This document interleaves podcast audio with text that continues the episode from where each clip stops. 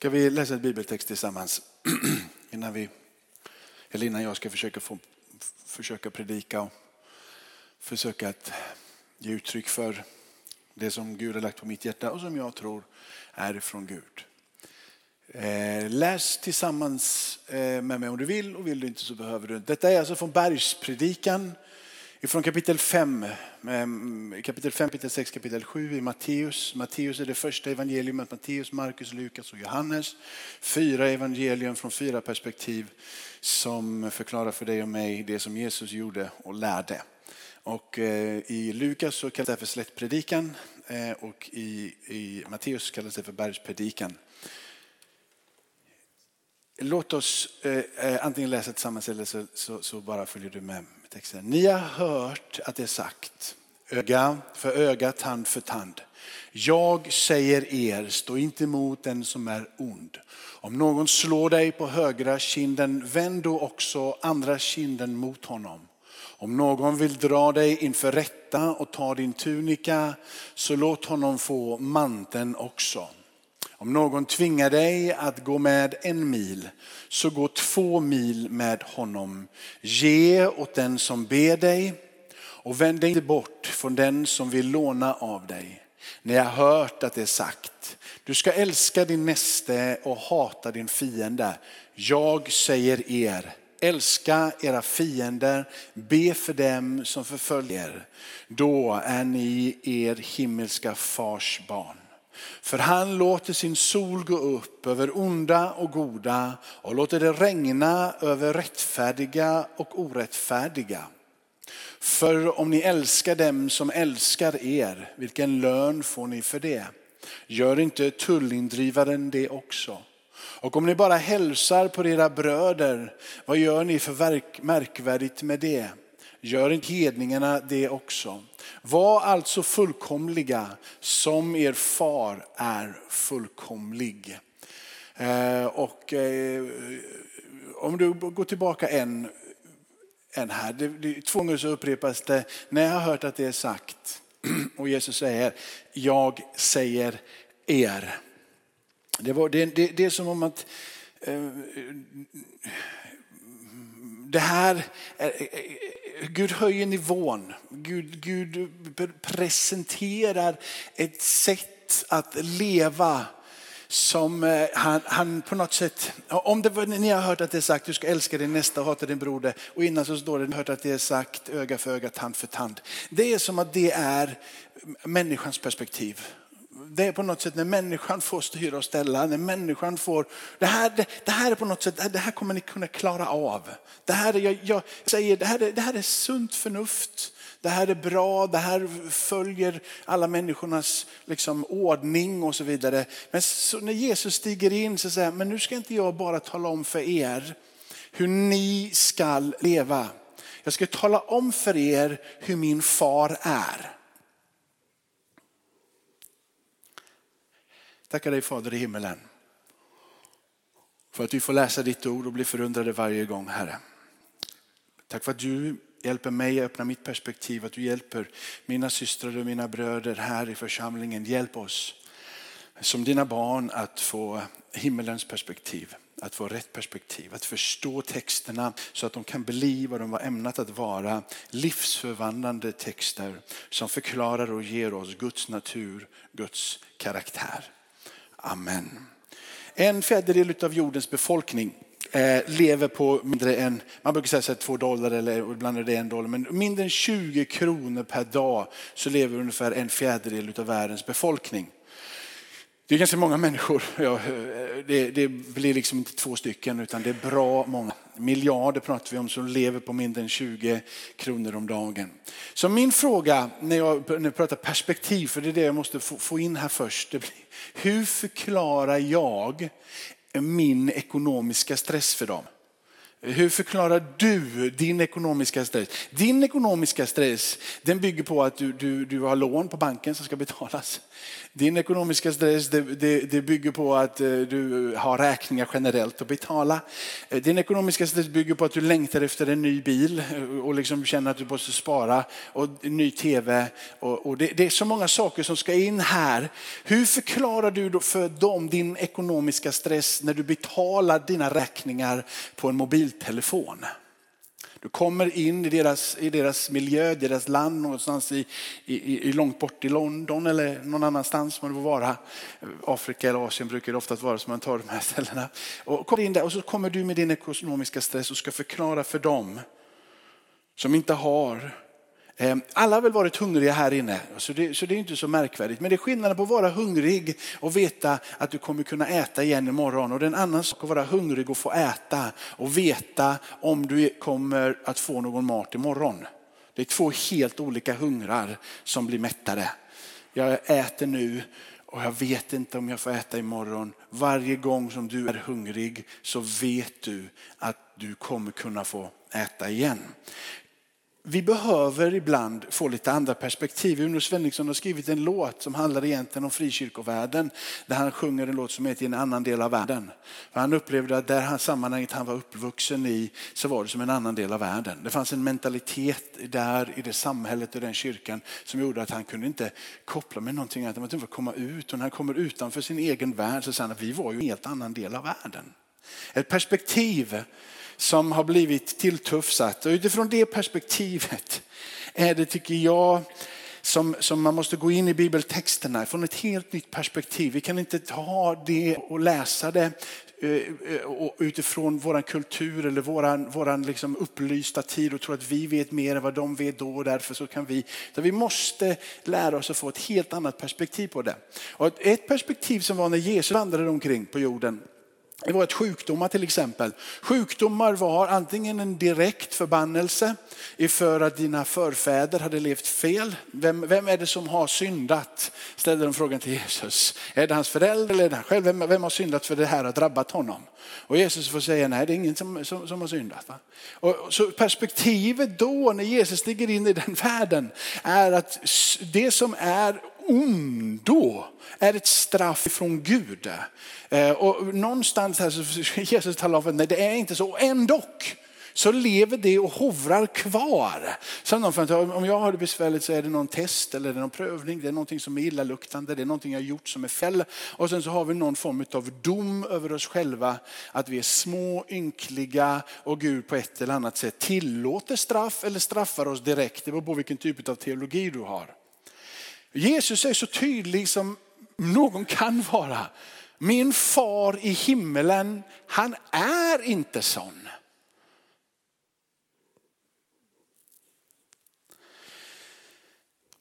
Jag har ställt mig själv en fråga för den här predikan.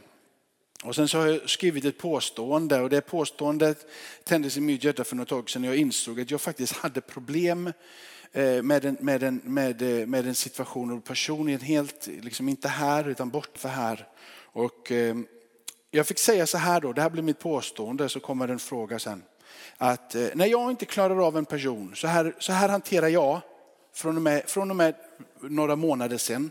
När jag inte klarar av en person som är bortanför mig, så hanterar jag det så här. När jag inte klarar av någon person, på grund av vad det nu än må vara, så är det bästa sättet att hantera det med att erkänna att mitt hjärta inte är tillräckligt fullt med kärlek för att omfamna den personen. Mitt hjärta har inte tillräckligt mycket kärlek för att omfamna den personen. Därför så väljer jag att gå bort ifrån den personen. Jag klarar inte av det. Jag blir för irriterad, jag blir för arg. För inte skulle Jesus när han kommer vara så arg och irriterad så att hans hjärta inte omfamnar den personen. Så jag erkänner för mig själv att jag väljer att gå bort ifrån det sammanhanget, den personen eller vad det må vara. För mitt hjärta är tyvärr inte fyllt med så mycket kärlek.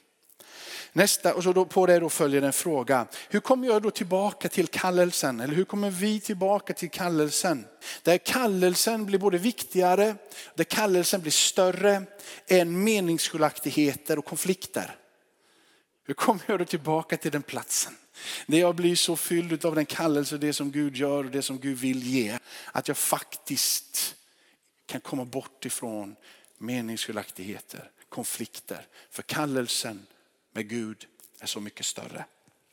Jag menar att kristendomen inte handlar om moral och etik. Utan kristendomen handlar om det som Andrew läste här i början. Det handlar om Jesus. Håll fäst en blick på Jesus eller håll han i fokus.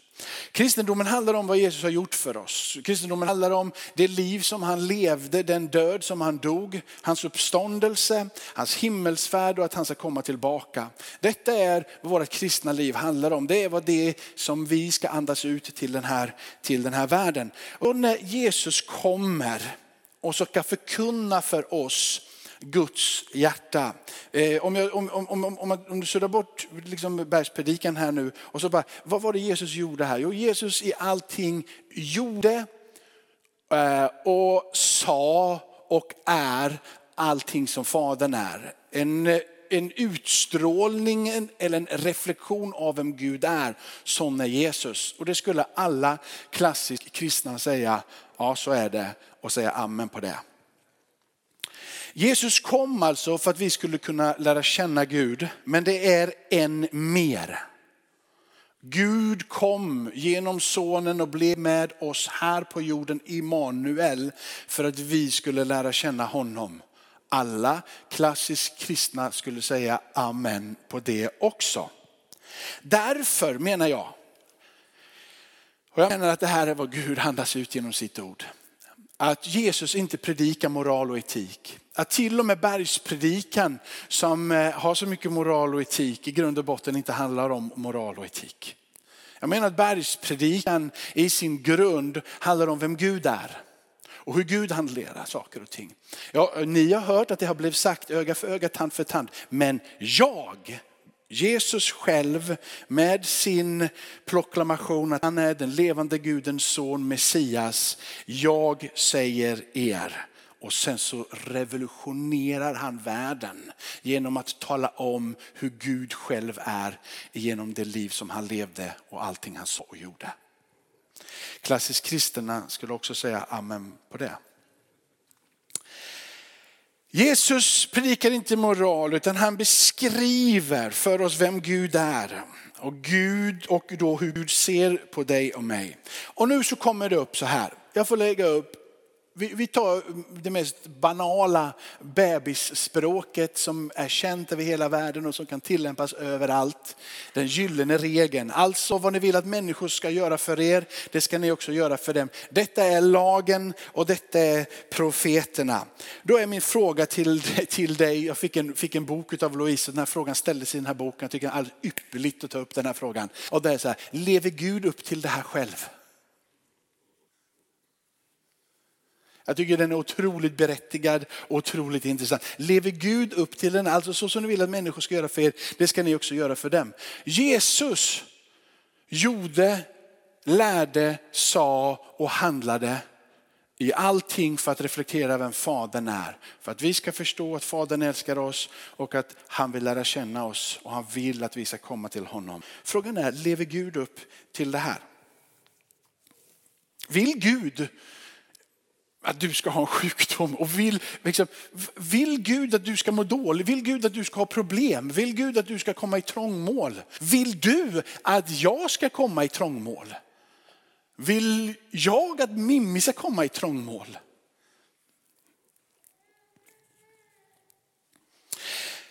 Tänk för det är på det här sättet som jag försöker påvisa här. Att det är faktiskt så här att bergspredikan, den handlar om hur Gud är och hur Gud handlar mer än om hur du ska vara. Gud har genom sin son kommunicerat ett sätt att vara som människa. Och om Gud säger allt detta till oss så måste det enligt mig först och främst gälla honom. Allting som han säger att jag ska vara måste först och främst gälla honom. Annars så kan han inte säga det som han säger sen att allting som säger är ja och allt är ja och allting han säger nej, allt är nej. Och han säger ta inte, ta inte ed av någonting för ni vet inte. Ta inte ed på Herrens huvud, gör inte det. Han säger så många olika saker i bergspredikan som kan han bara, nej jag väljer att inte göra det.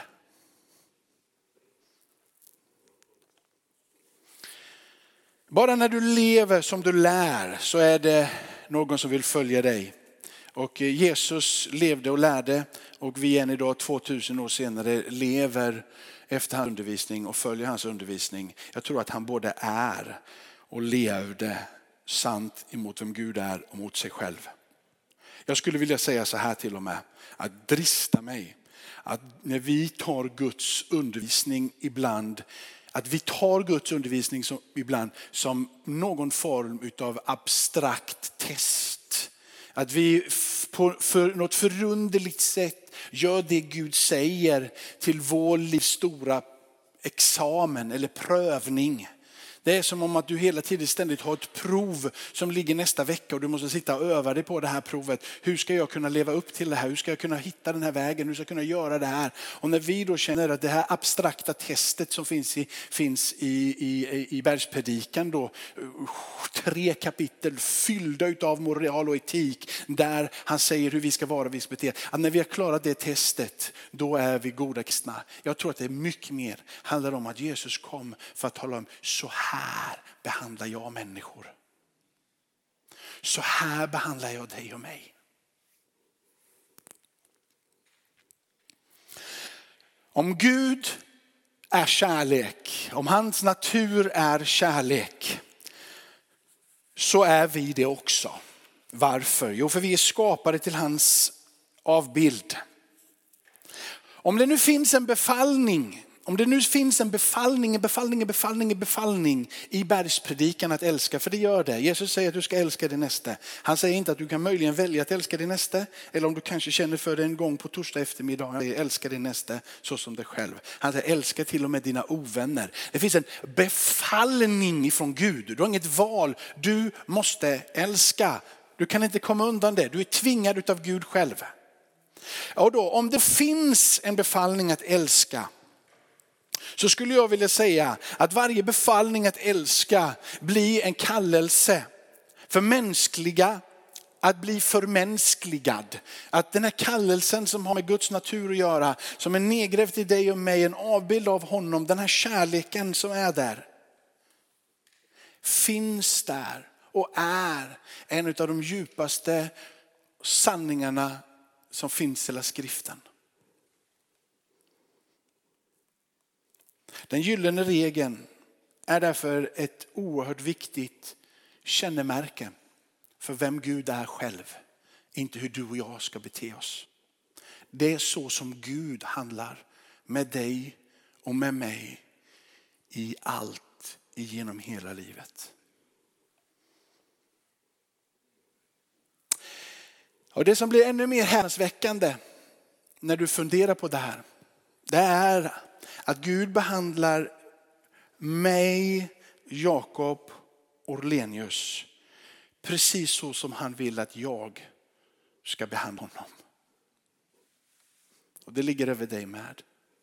Gud behandlar dig Karen, Gud behandlar dig Alexandra, Gud behandlar dig Sara precis så som han vill att du ska behandla honom. Jag vet att det är så här. Att först och främst så får vi lära känna Jesus och bli förvandlade av honom. Men vad är det nästa steget? Är det att vi ska ta det vi har fått och gå till andra?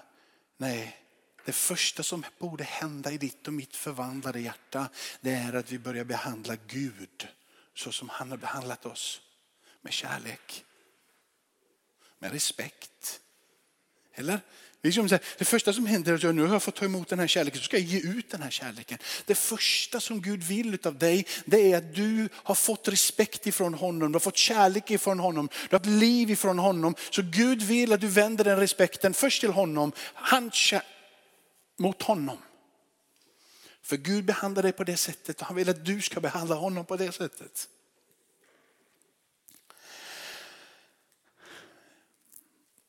Jag behöver inte förtjäna Guds kärlek eller älska Gud först.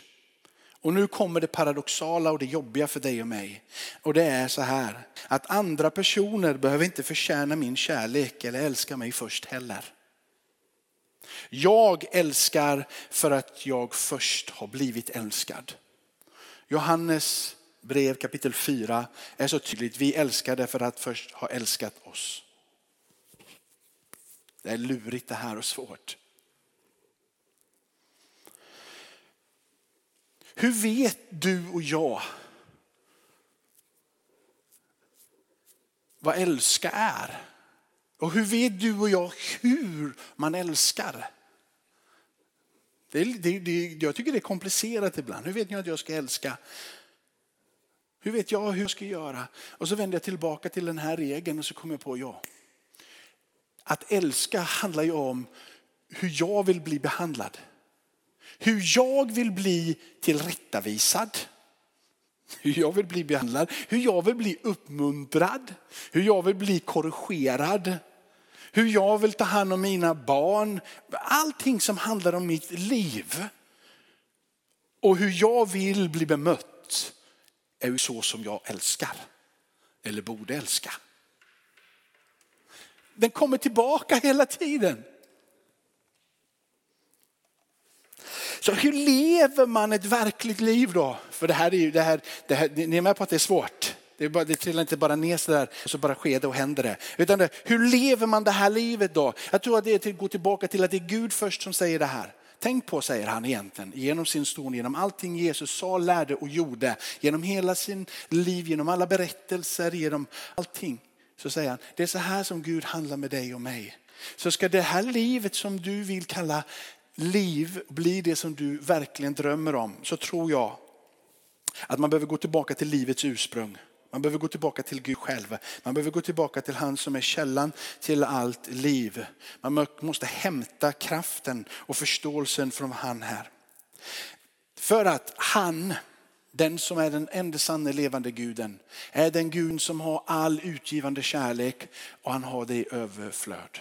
Gud är den guden som aldrig är självcentrerad utan alltid sätter andra före sig själv. Han hade så mycket överflöd av kärlek i sin relation med sig själv så han väljer att skapa fler relationer, dig och mig. Han skapar fler människor för att låta relationernas liv överflöda utifrån vem han är, rakt in till dig och mig.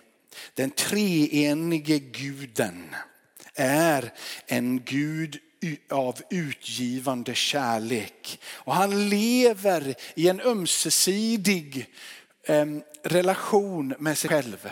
Gud är relationell. Och då, då, är det så här, om Gud är relationell och han lever i någon form av perfekt balans med sig själv så måste det finnas någon form av överlåtelse i den här enda sanne guden.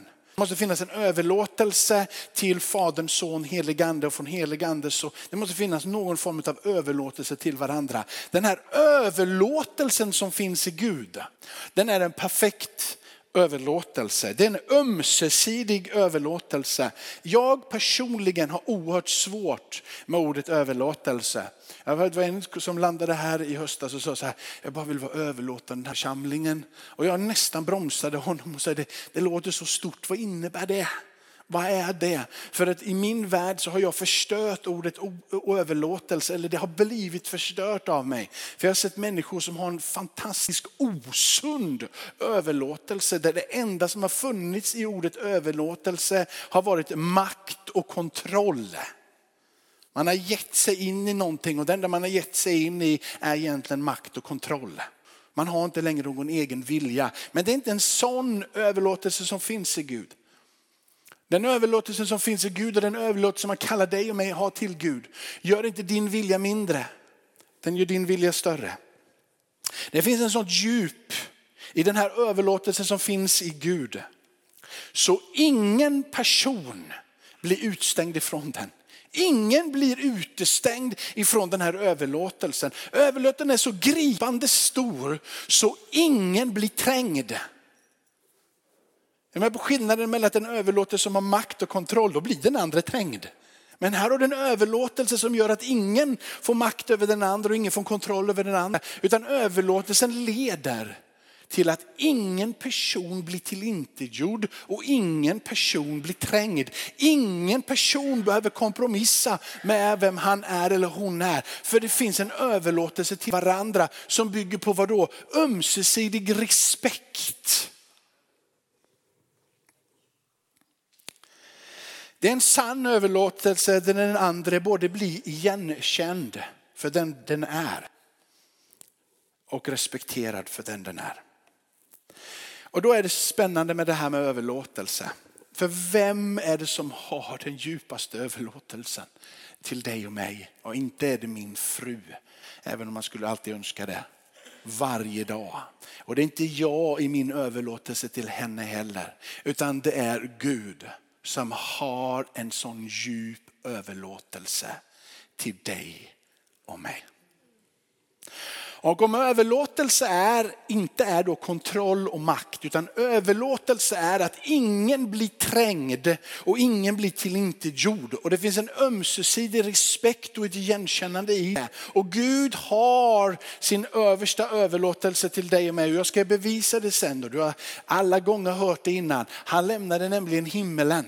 Och han kom ner hit till jorden för att tjäna dig och mig. Nu pratar vi överlåtelse. Och om i den överlåtelsen ligger en fullständig respekt för dig och ett igenkännande för vem du är. Så betyder du någonting i Guds ögon. Du är någonting för honom. Han vill inte bara att du ska älska honom. Han vill att du ska veta på djupet att han älskar dig. Han vill inte bara att du ska känna honom. Han vill att du ska förstå att han känner dig innan ett ord är på mina läppar så vet du allting om det.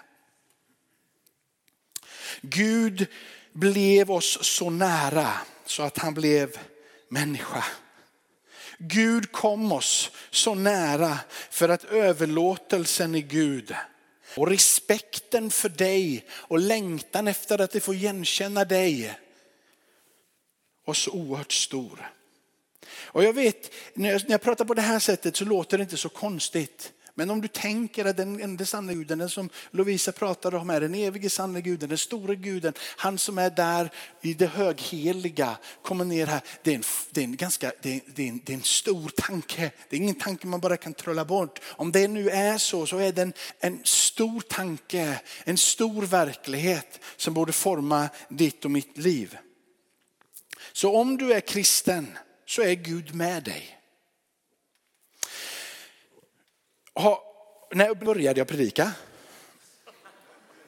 Fem, när kan det inte ha varit. Men, men, men, eh, men eh, jag, jag, om jag trixar på här så eh, är det inte så långt. Vi ska ha nattvard här. Vi tar fem minuter till om det kanske går det. Så om det nu är så att han både respekterar dig och att han igenkänner dig, att det finns en fullt ut överlåtelse till dig för att annars skulle det vara makt och kontroll från hans sida. Då är det ju så här, då är ju Gud också intresserad av vem du är och dina beslut. Så om vi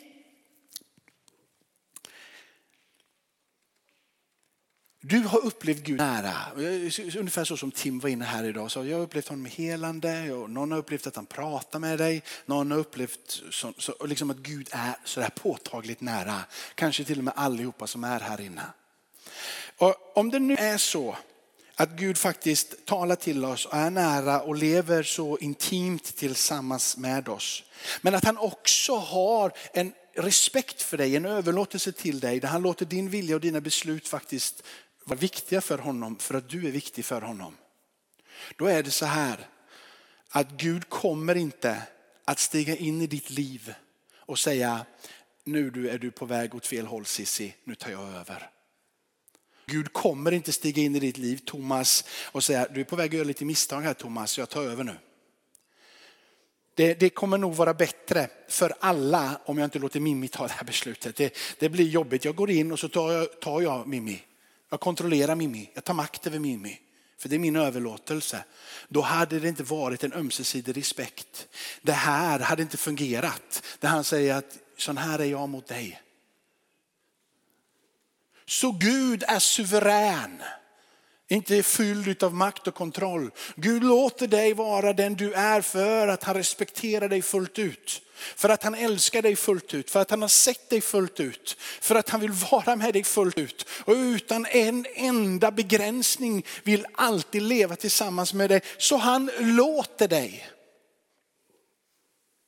Ibland så vore det kanske absolut skönaste och bästa och ibland så känns det bara Gud, jag bara, bara, bara bestäm. Jag orkar inte bestämma, bara ta över hela skiten liksom, mitt liv. Jag orkar, jag vet inte vad jag ska ta vägen. Det fungerar inte så.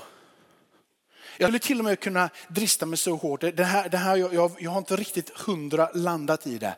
Men eh, den här författaren som Lovisa, den här boken, han dristar sig så långt att han till och med säger att Gud vägrar. Jag vet inte om jag skulle vilja gå så långt, men, men låt säga att det är på det sättet. Gud vägrar stiga in och ta över ditt liv. Till och med att han är så överlåten till dig så även om de beslut som du tar och vi tar dem hela tiden gör att vi faktiskt våra beslut som vi tar faktiskt skadar andra människor. Våra beslut som vi tar skadar oss själva. Våra beslut är kanske fyllda av både ondska, elakheter och det är riktigt, riktigt dåliga saker vi, som, som vi gör. Så vägrar han gå in och röra vid det. Däremot så gör Gud det som är det mest ljuvliga. Det är att precis då när du och jag inser vilka dåliga beslut vi har tagit så tillämpar han gyllene regeln. Sen, så här skulle jag vilja bli, behandlad om jag gjorde fel. Jag skulle vilja få uppleva upprättelse. Jag skulle vilja få uppleva kärlek. Jag skulle vilja få uppleva omsorg. Jag skulle vilja få uppleva att någon tar hand om mig. Och sen så helt plötsligt så tar Gud det som har, du har gjort till att bli någonting äckligt och fult och i kaos och värdelöst. Och så tillämpar han den gyllene regeln och så använder han det här. Han formar det som har varit dåligt och gör någonting levande utav det. Han gör någonting underbart utav det. Han gör någonting användbart utav det. Han gör någonting som förmerar liv.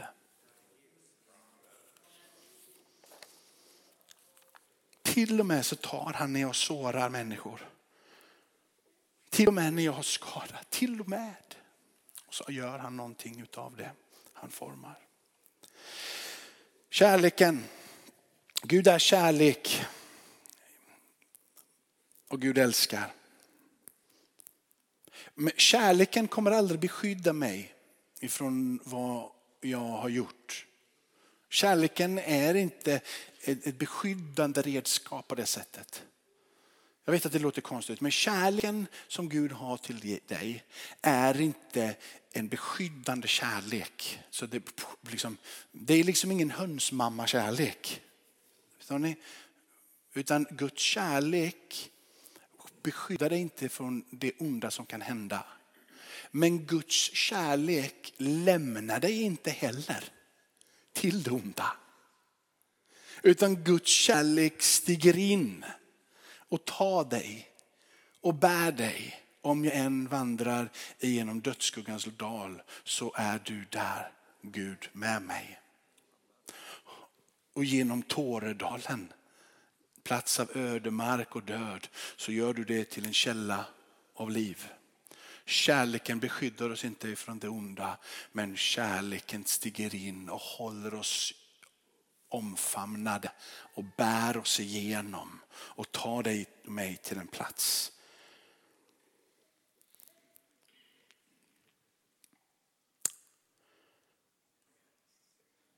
Jesus blir människa. Nu måste jag gå på landning. Och när Jesus blir människa så är det en total överlåtelse till dig och mig. När Jesus dör på korset så är det en total överlåtelse till all ondska, all ilska, all elakhet som sker på den här planeten. Och om överlåtelse är så här vackert som jag säger att det är, så ligger det en verklig kraft i överlåtelse. Det ligger någonting så ljuvligt som befrielse i överlåtelse. Så här, så här, skriver den här författaren om den här berättelsen när Jesus tvättar fötter. Han har omformat den lite grann. Han skriver så här. Vem om inte Gud tar en handduk i ett rum fyllt med manliga agenda och manliga egon och böjer sig ner framför varje man och tvättar deras illaluktande fötter. Varsamt tar han bort all smuts och uppenbara det vackra som Gud har skapat för att vandra i helighet. Hur blir våran kallelse viktigare och större än våra meningsskiljaktigheter och konflikter när vi har samma överlåtelse till Jesus som Jesus har till oss? När jag inte klarar av någon person så är det bästa sättet att hantera det med att erkänna att, mitt hjärta, att i mitt hjärta inte finns det tillräckligt med kärlek att omfamna den personen. Svaret eller på det påståendet, ett utandning av det. Jag älskar för att jag först har älskat. Han älskar så jag kan älska. Tackar dig Fader i himmelen för ditt ord och att, eh, att vi får, får predika frimodigt från den här platsen och att vi får tro att ditt ord är livsförvandlande. När vi går in i avslutningen av gudstjänsten med nattvarden. Välsigna Bernt oss alla när vi böjer oss och tar emot dig vid det dukade bordet. Amen.